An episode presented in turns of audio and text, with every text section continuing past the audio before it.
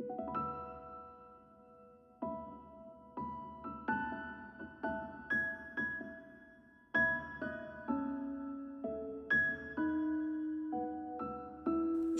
Bapak Ibu Saudara sekalian.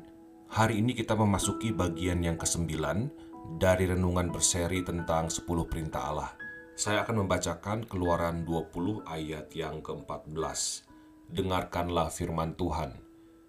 Jangan berzina Berbahagialah setiap orang yang mendengarkan firman Allah dan yang memeliharanya Haleluya Perintah yang ketujuh ini adalah perintah yang ketiga yang sifatnya horizontal.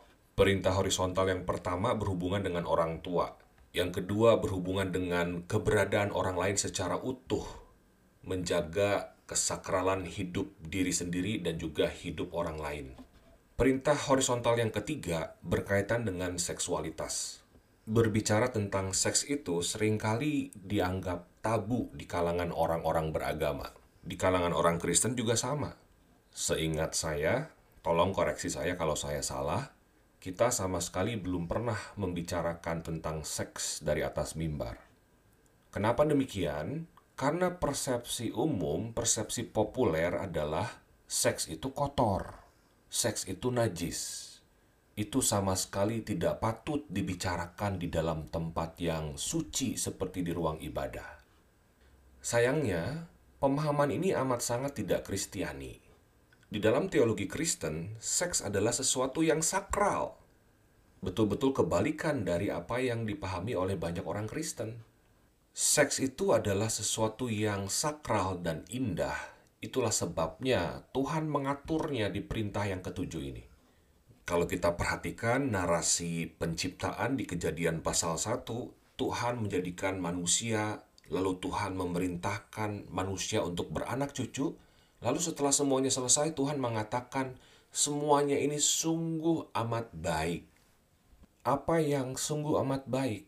Seluruh ciptaannya dengan segala keberadaannya, termasuk manusia dengan segala keberadaannya yang utuh. Manusia yang diciptakan secara utuh dengan segala aspeknya, dengan gairah seksual, yang memungkinkan mereka untuk beranak cucu itu sungguh amat baik. Seksualitas manusia itu adalah rancangan awal Tuhan. Gairah seksual sebagai bagian dari seksualitas manusia itu sungguh amat baik adanya. Karena itu jangan heran kalau di dalam Alkitab ada kitab seperti kitab Kidung Agung. Kitab yang dianggap oleh sebagian umat beragama lain sebagai kitab yang sangat porno dan tidak patut menjadi bagian dari kitab suci? Well, we beg to differ. Kenapa? Karena buat kita sebagai orang Kristen, seks itu adalah sesuatu yang sakral. Jadi kita sama sekali tidak perlu terkejut kalau kitab Kidung Agung itu masuk ke dalam salah satu kitab di kanon kita. Kita malah patut bersyukur kalau kekristenan itu sangat mengafirmasi seksualitas kita. Kalau kita memiliki hasrat seksual, syukuri itu dan kendalikan itu. Gunakan itu seturut dengan kehendak Tuhan, bukan sesuka hati kita. Sejak revolusi seksual terjadi di Barat pada tahun 1960-an, 1970-an, kesakralan seks itu mulai ditelanjangi. Seks bukanlah sesuatu yang sakral lagi. Seks menjadi sebuah entertainment. Coba saja kita lihat film-film sekarang. Coba aja kita lihat film-film di berbagai platform hari ini Sulit sekali menemukan film yang di dalamnya sama sekali tidak ada adegan seksual. Sulit sekali. Seks yang awalnya sakral sekarang menjadi sebuah rekreasi. Ini yang keliru. Ini bukan rancangan awal Tuhan. Rancangan awal Tuhan, seks itu untuk prokreasi, untuk beranak cucu. Ini bukan berarti kita tidak boleh menikmati hubungan seksual Kitab Kidung Agung dengan jelas menggambarkan kenikmatan relasi seksual. Itu adalah anugerah yang bisa kita nikmati di dalam ikatan pernikahan. Karena itu perintah ketujuh juga bicara tentang kesakralan pernikahan. Pernikahan itu bersifat sakral, bersifat eksklusif, tidak boleh ada orang ketiga atau keempat, kelima, dan seterusnya. Karena keterbatasan yang ada, saya hanya mau mengajak kita untuk melakukan dua hal berkaitan dengan perintah yang ketujuh ini. Yang pertama, sadarilah bahwa seks itu sakral. Berbicara tentang seks bukanlah membicarakan sesuatu hal yang najis. Kita harus membicarakan tentang seksualitas kita, termasuk kepada anak-anak kita sedini mungkin. Ini adalah tugas orang tua. Jangan sampai anak-anak kita mendapatkan informasi tentang seks dari orang lain secara online, melalui game online, melalui percakapan online, melalui film, dan lain sebagainya itu sangat bahaya. Ini panggilan untuk semua orang tua. Jangan sampai para orang tua hanya sibuk banting tulang cari uang pagi siang malam, tapi tidak pernah menyediakan waktu sebaik-baiknya untuk mendidik anak-anak kita dengan sebaik-baiknya. Ketika kita dianugerahkan seorang anak, itu adalah sebuah tanggung jawab dari Tuhan, titipan dari Tuhan yang harus kita kerjakan baik-baik. Maka kita harus make efforts, baca buku, ikut seminar, gimana ya caranya melakukan pendidikan seksual kepada anak-anak sejak dini?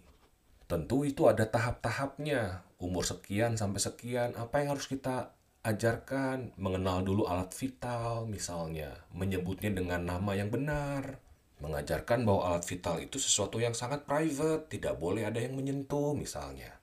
Dengan melakukan ini, sebagai orang tua, kita sedang mempersiapkan anak-anak kita untuk melakukan perintah yang ketujuh. Yang kedua, saya mau mengajak kita semua untuk menjaga hati kita dengan sebaik-baiknya. Tindakan berzina itu selalu mulainya dari hati. Itulah sebabnya di Matius 5 ayat 27 sampai 28 Yesus berkata begini, "Kamu telah mendengar firman, jangan berzina."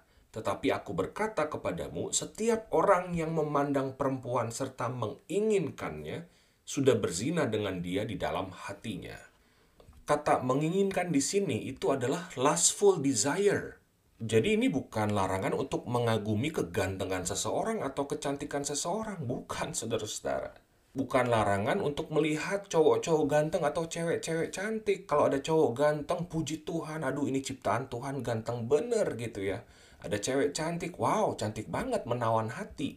Tapi jangan dilanjutin saudara-saudara ketika kita sudah melihat seseorang yang menawan, yang menarik, yang cantik, yang ganteng, jangan sampai kita jadi ngelonjor atau ngelapor. Ini istilah dari almarhum pendeta Dorothy Marks. Ngelonjor itu apa? Ngelamunin yang jorok-jorok atau ngelapor, ngelamunin yang porno-porno. Ketika kita melakukan itu, kita sudah melanggar hukum yang ketujuh.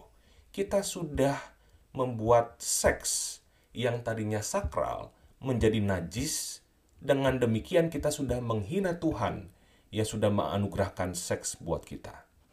Kenapa berdasarkan survei sangat banyak pasutri-pasutri yang tidak menikmati relasi seksual di antara mereka? Bisa jadi salah satu penyebabnya adalah karena kita tidak menjaga hati. Mungkin kita tidak melakukan perzinahan secara fisik dengan orang lain, tetapi jangan-jangan di hati kita kita sudah berzina. Ini menjadi tantangan yang amat sangat besar buat kita yang hidup di zaman ini. Dengan revolusi seksual, revolusi digital, semua godaan itu ada di hadapan mata kita setiap hari, bahkan setiap detik.